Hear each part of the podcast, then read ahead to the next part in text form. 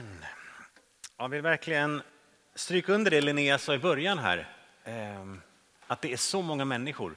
Eh, det är typ 20 pers varje söndag minst för att det ska bli en bra söndag för oss tillsammans. Så det är verkligen en, en tillsammansgrej vi gör det här. Ehm, kan en moderat och en vänsterpartist vara med i samma kyrka? Kan en vegan och en köttbonde vara med i samma kyrka? Kan en yrkesmilitär och en pacifist vara med i samma församling?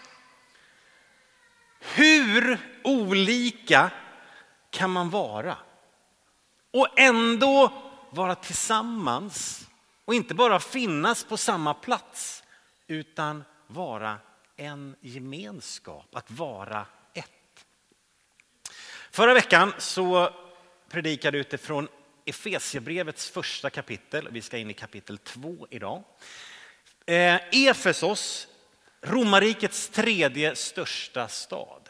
En enorm multikulturell metropol med allt vad det innebär av etniciteter, olika religioner, olika uppfattningar, språk, allt möjligt. Vi talade en del om den avgudadyrkan som fanns i Efesos, det stora Artemistemplet som hyllade Diana, fruktbarhetens gudinna och de kanske tusen tempelprostituerade. Mitt i denna storstad finns församlingen som då givetvis på något sätt avspeglar också sin tid i vilka som finns med där. Och i kapitel 1 så där vi talade, jag talade, börjar Paulus att beskriva det fantastiska som händer när vi säger ja till Jesus. All den andliga välsignelse vi har fått i himlen. Att eh, vi är utvalda, vi har fått ett barnaskap, vi är förlåtna, vi är friköpta, vi har fått ett arv, vi har fått en utlovad helig ande. Det har hänt så oerhört mycket i oss som Gud har gett och gjort och gör och förvandlar oss när vi säger vårt ja till honom. Vi är välsignade i massor. Och så försöker då, Paulus listar upp det där och sen är det som att han kommer på att det här är inte lätt att förstå. Därför så landar det här stycket i en bön där han ber att vår Herre Jesu Kristi Gud, härlighetens far, ska ge er vishetens och uppenbarelsens ande så ni får rätt kunskap om honom. Jag ber att era hjärtans ögon ska få ljus, att ni förstår vilket hopp han har kallat er till, hur rikt och härligt hans arv är bland det heliga, hur oerhört stor hans makt är i oss som tror, därför att hans väldiga kraft varit verksam. Alltså att det händer någonting med vår förståelse, med vår syn, våra hjärtan, att vi kan omfamna den här stora förvandlingen. Att vi kan se och omfamna den här stora gåvan som vi har fått. Att vi upptäcker hur ska vi säga, genomgripande och radikal Guds nåd och gåva faktiskt är. För det som händer när jag säger mitt ja till Jesus, det förändrar allt. Det förändrar allt. Och det finns ett litet ord med stor betydelse som fångar det här och det är ordet nåd. Det används nog nästan bara inom kyrkan, kanske inom rättsväsendet emellanåt. Att, man, liksom, att jag får nåd, det är alltså att jag inte får det straff jag förtjänar. Utan jag får någonting annat istället som jag inte förtjänar. Jag får en gåva. Det är nåden. Och när det kommer till nåd så det, det Gud gör och det som Paulus talar om i kapitel 1, allt det här, så kan det aldrig handla om ytbehandling. Det handlar aldrig om att det bara är någon slags eh, smink utanpå som snyggar till lite grann. Utan det är en genomgående, djupgående förändring som sker. Och när vi kommer in i kapitel 2 så fortsätter han på samma sätt att tala om det här. Och vi läser några verser från kapitel 2, vers 8. Av nåden är ni frälsta genom tro.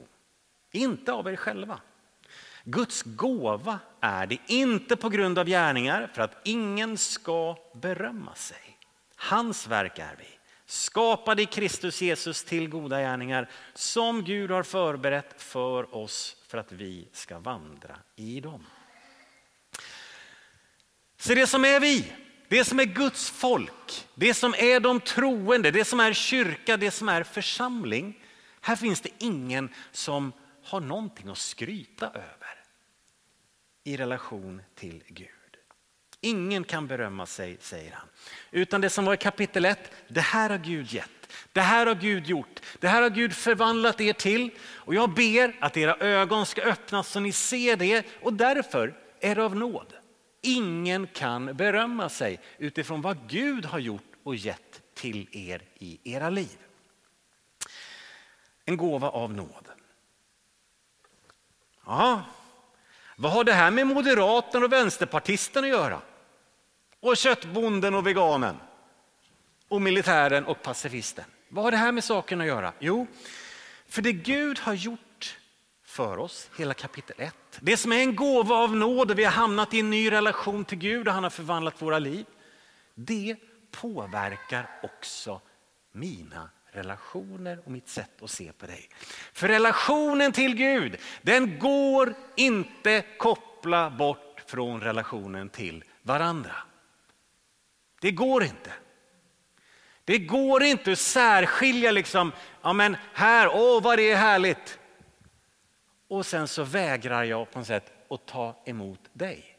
Det går inte att koppla loss relationen till Gud och relationen till varandra. Närheten till Gud, närheten till varandra. Och vi ska läsa ett textstycke idag som följer på det här, fortfarande i Efesierbrevet kapitel 2. Där Jesus river ner barriärer.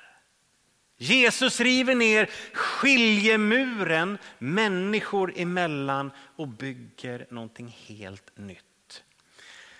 Och de här orden de behövs så väl in i vårt polariserade samhälle idag. Där är så mycket vi och dem på så många områden, så många arenor, mellan så många olika grupper.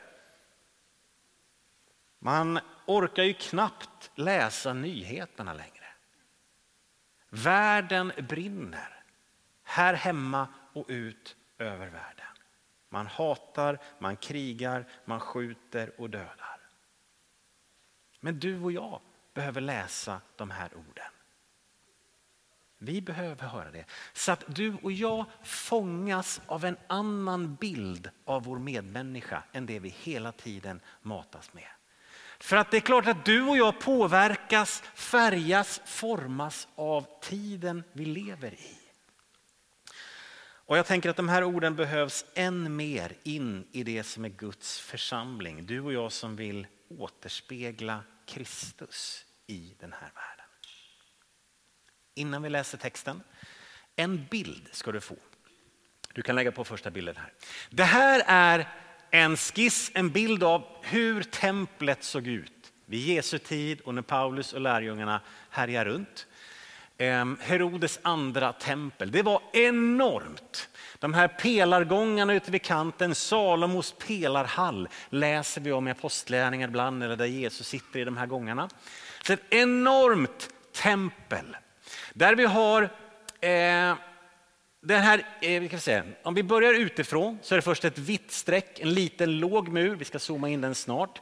Den muren skilde hedningarna från att komma in till templet.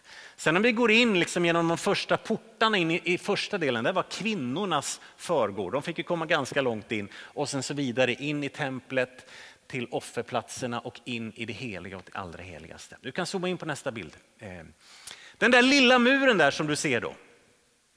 Den muren fick hedningar inte passera. Det var strängt förbjudet, alltså icke-judar. Det finns judar och icke-judar enligt ett judiskt sätt att se på det utifrån de texterna vi läser. Det är judar och hedningar. Hedningarna fick inte passera det. Det var risk liksom för, för livet nästan. Det fanns en stark åtskillnad på många, många sätt.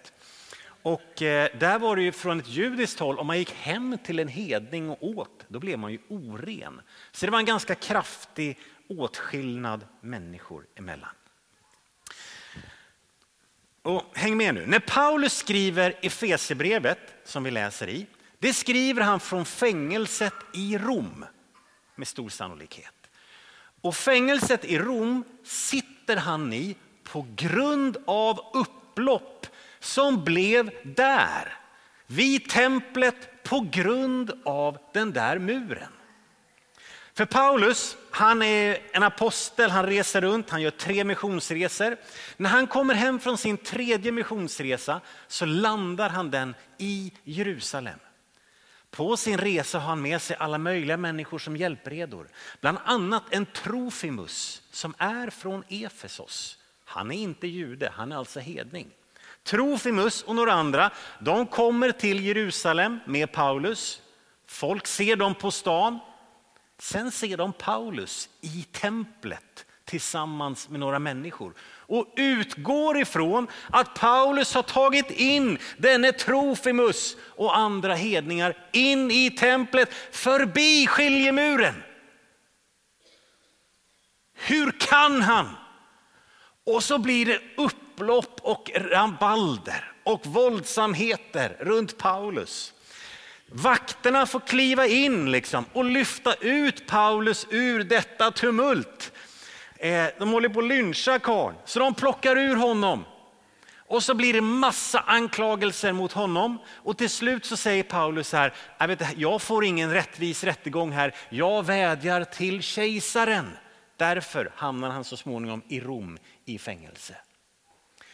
Så församlingen i Efesos som Paulus skriver till här känner väl till kraften i skiljemuren. Kraften i barriären som håller människor skilda åt. Men så har vi den där Jesus. Och han vänder ju upp och ner på livet och på hur vi gör livet. Så till Efesos så skriver Paulus, som känner till så väl, från vers 14 i samma kapitel. Han Jesus. Han är vår frid. Han som har gjort de två till ett och rivit ner skiljemuren. Fiendskapen. I sin kropp har han satt lagen ur kraft med dess bud. För att i sig själv göra de båda, hedningar och judar, till en enda ny människa och så skapa frid. Så skulle han försona de båda med Gud i en enda kropp genom korset där han dödade fiendskapen. Han har kommit och förkunnat frid för er som var långt borta och frid för dem som var nära. Genom honom har vi båda i en och samma ande tillträde till Fadern. Därför är ni inte längre gäster och främlingar utan medborgare med de heliga och medlemmar i Guds familj. Han har rivit skiljemuren som skilde er åt. Som Trofimus säkert har berättat. Vet, vi var i templet här och så trodde de att jag hade gått innanför. De är inte kloka de där.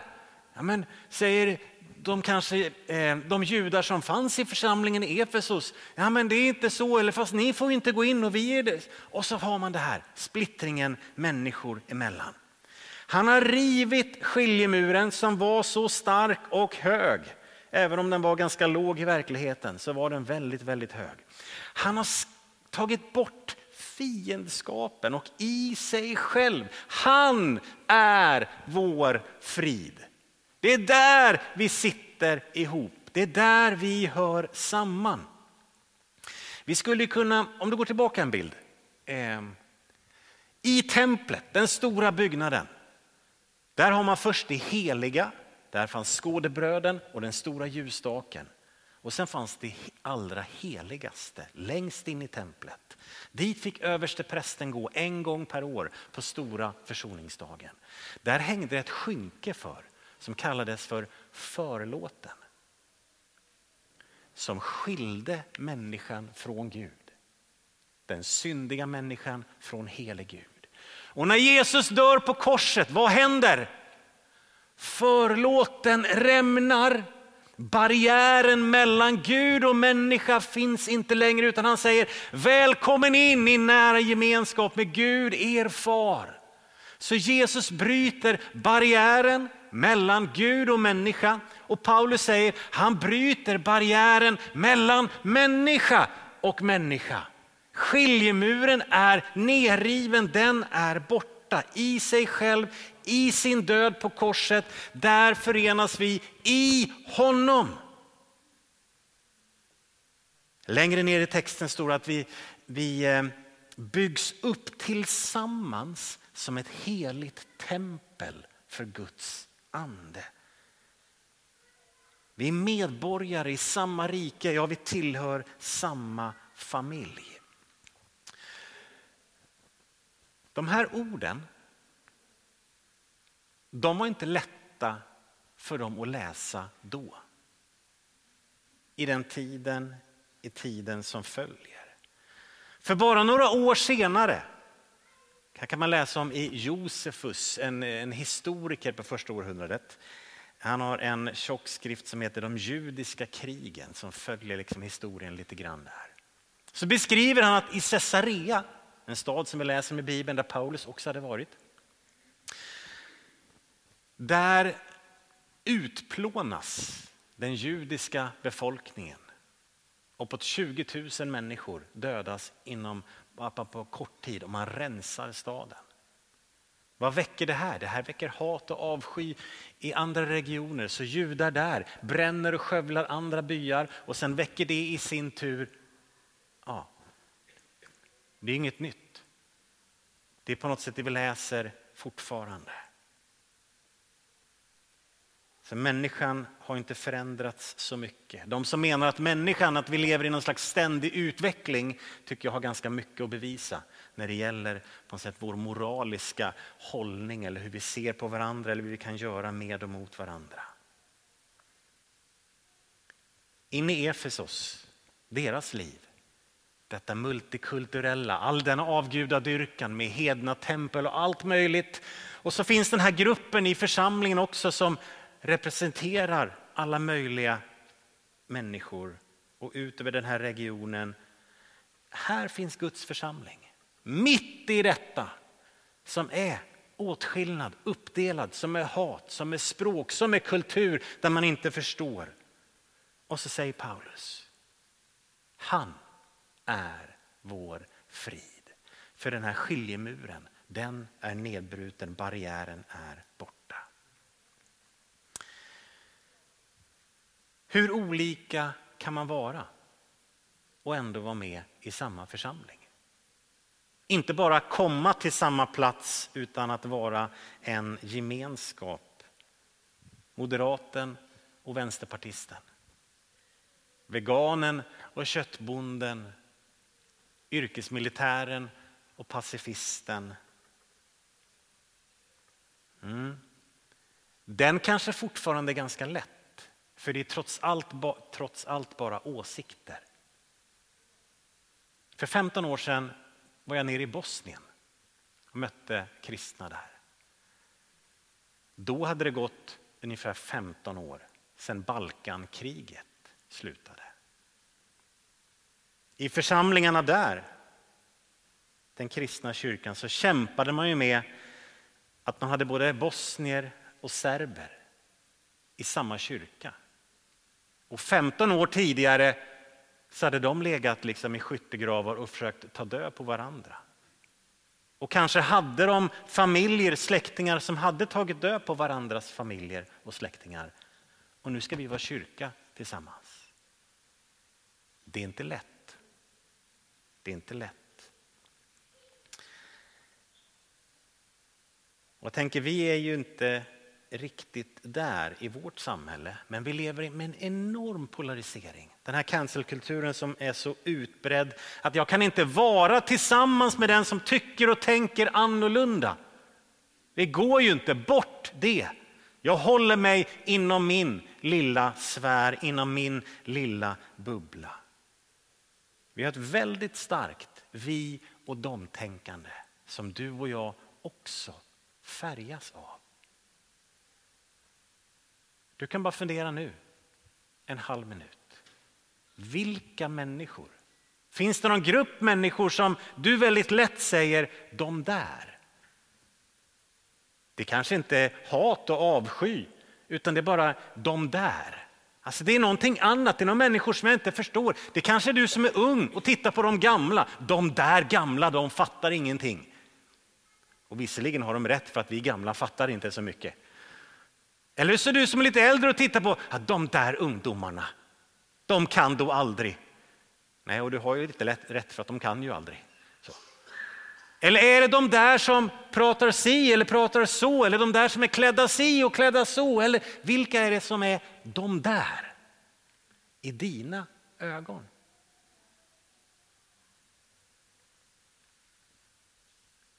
Mitt i det här kallas du och jag till att vara ett annorlunda folk. En gemenskap, en enhet, relationer som inte bygger på åsikt, etnicitet, språk, intresse, kultur, ekonomi. Utan i honom, i Jesus Kristus. Han är vår frid. Han gör oss till där förenas vi. Han river skiljemuren mellan människor. En radikalt annorlunda gemenskap. Det här började ju redan vid syndafallet. Vi läser om två bröder, Kain och Abel. Där uppstår konflikt. Kain slår ihjäl sin bror. Och så kommer Gud och frågar Kain, vart är din bror någonstans? Och Kain svarar med en fråga, vad då? Ska jag ta vara på min broder?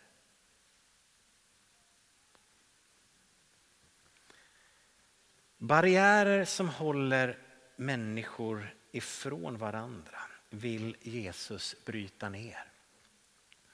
Ja, Jesus han bryter ner barriären som skiljer Gud och människa åt. Han säger det är fullbordat, vägen är öppen. Det finns förlåtelse, du kan få leva i närhet till Gud far själv. Alltid. Det finns ingen barriär kvar. Men Jesus bryter också ner den här skiljemuren som barriären som håller människor åt. Som svar på Kains fråga, ska jag ta vara på min broder? Ja, det ska jag. Det ska jag. Min broder, min syster. För vet du vad? Församlingen, det är de troendes gemenskap. Det är inte de likadanas gemenskap. Vet, här på söndagar, jag vet inte hur många bara nationaliteter vi skulle kunna räkna ihop. Vi är så olika generationer. Vi är så olika intresse. Vi har till och med de som tittar på hockey. Och de får vara med. Vilken nåd. Ja, men vi, vi är så olika. Men församling, det är inte de likadanas gemenskap. Det är de troendes gemenskap. Det är en gemenskap av människor som sagt att jag behöver förlåtelse. Jag behöver dig Jesus i mitt liv. Och bredvid mig står en annan, där står du och säger, jag behöver också förlåtelse, jag behöver Jesus i mitt liv. Och på andra sidan står också en som säger, jag behöver förlåtelse, jag behöver dig Jesus i mitt liv. Och så säger Jesus, underbart, här, ni är mina barn. Vad ska jag ta vara på min broder och min syster? Ja, det säger han, för att det är din broder och din syster. Ja, men jag förstår honom inte. Jag förstår henne inte. Och de där, nej, där kom det där ordet, de där.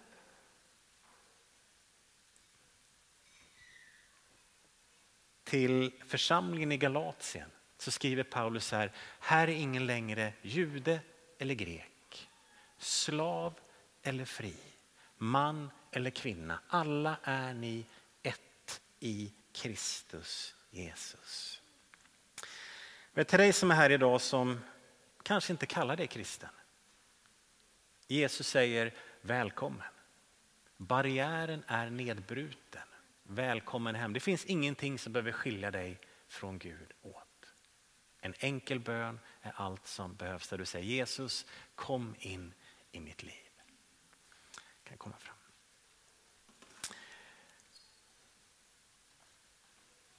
Och sen till dig och mig som bekänner oss till Jesus.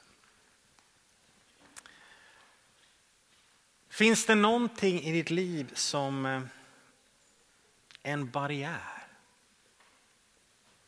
Vilka är det som är de där i ditt liv? Det kanske inte är så att du hatar människor att åh, så här. Nej, men bara vilka är de där? De som inte riktigt sitter här. Det handlar inte om att vi ska vara bästis med alla, för det funkar inte. Och vi får vara olika. Vi är olika. Men församlingen är inte de likadanas gemenskap. Utan det är de troendes gemenskap. Finns det någonting hos dig där du behöver be om förlåtelse? Omvända dig. Säg bara Gud förlåt mig. Förlåt mig för att jag tänker så om de där.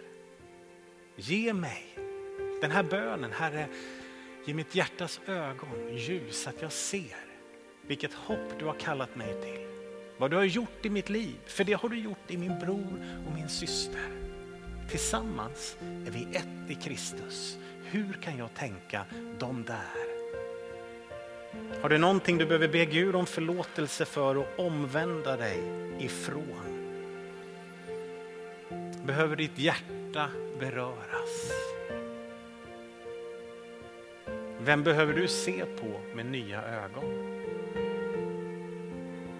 Är det lätt alltid? Nej, det är det inte. Jag vet, vi kallas till det här. Vi kallar det till att bygga en annorlunda gemenskap. Där ute i vår värld, ja där är det vi och det är de i varierande grad av fientlighet. Men det är Guds församling, det är en annan värld. Vi tillhör en annan nation.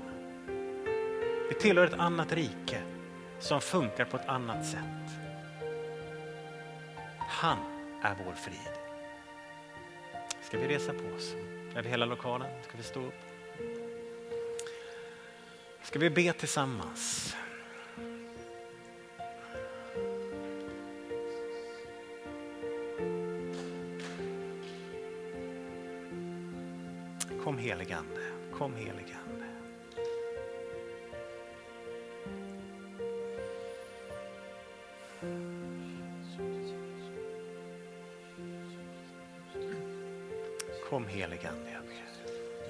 Där du står, bara öppna ditt hjärta.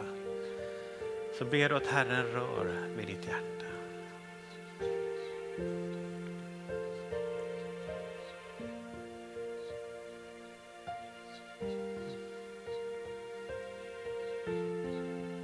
Bara dröj i stillheten en stund. Låt den helige Ande få röra vid dig där du står.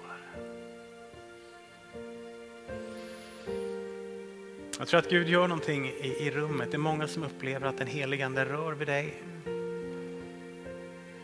Och han kommer med, med överbevisning. Så omvänd dig, säg ditt förlåt. Där du vet att du har människor som är så mycket de där. Och Herren kallar dig, vänd om mitt barn. Se på dem med mina ögon. Se att jag gav mitt liv för dem. Ska jag ta vara på min broder? Ja, säger Herren. Kom helige Ande. Kom helige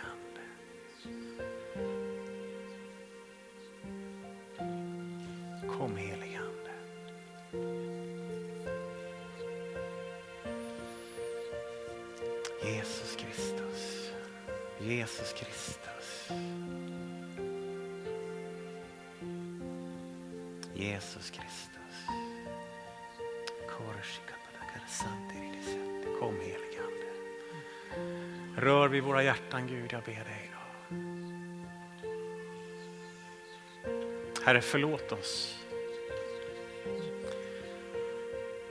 Förlåt oss de gånger när vi ser på människor på ett sätt som inte är med dina ögon. Herre, jag ber att vi skulle kunna få vara ett annorlunda folk. Att vi skulle få vara verkligen de troendes gemenskap. Med en sån variation. Där vi får vara så olika varandra. Men du är vår frid. Du är vårt centrum. Herre, jag ber att vi skulle få vara ett ljus i mörker. Jag ber att vi skulle kunna få tala om varandra, tala om människor på ett annat sätt än det vi hör och ser omkring oss. Rör vid våra hjärtan, jag ber. Rör vid våra hjärtan, jag ber.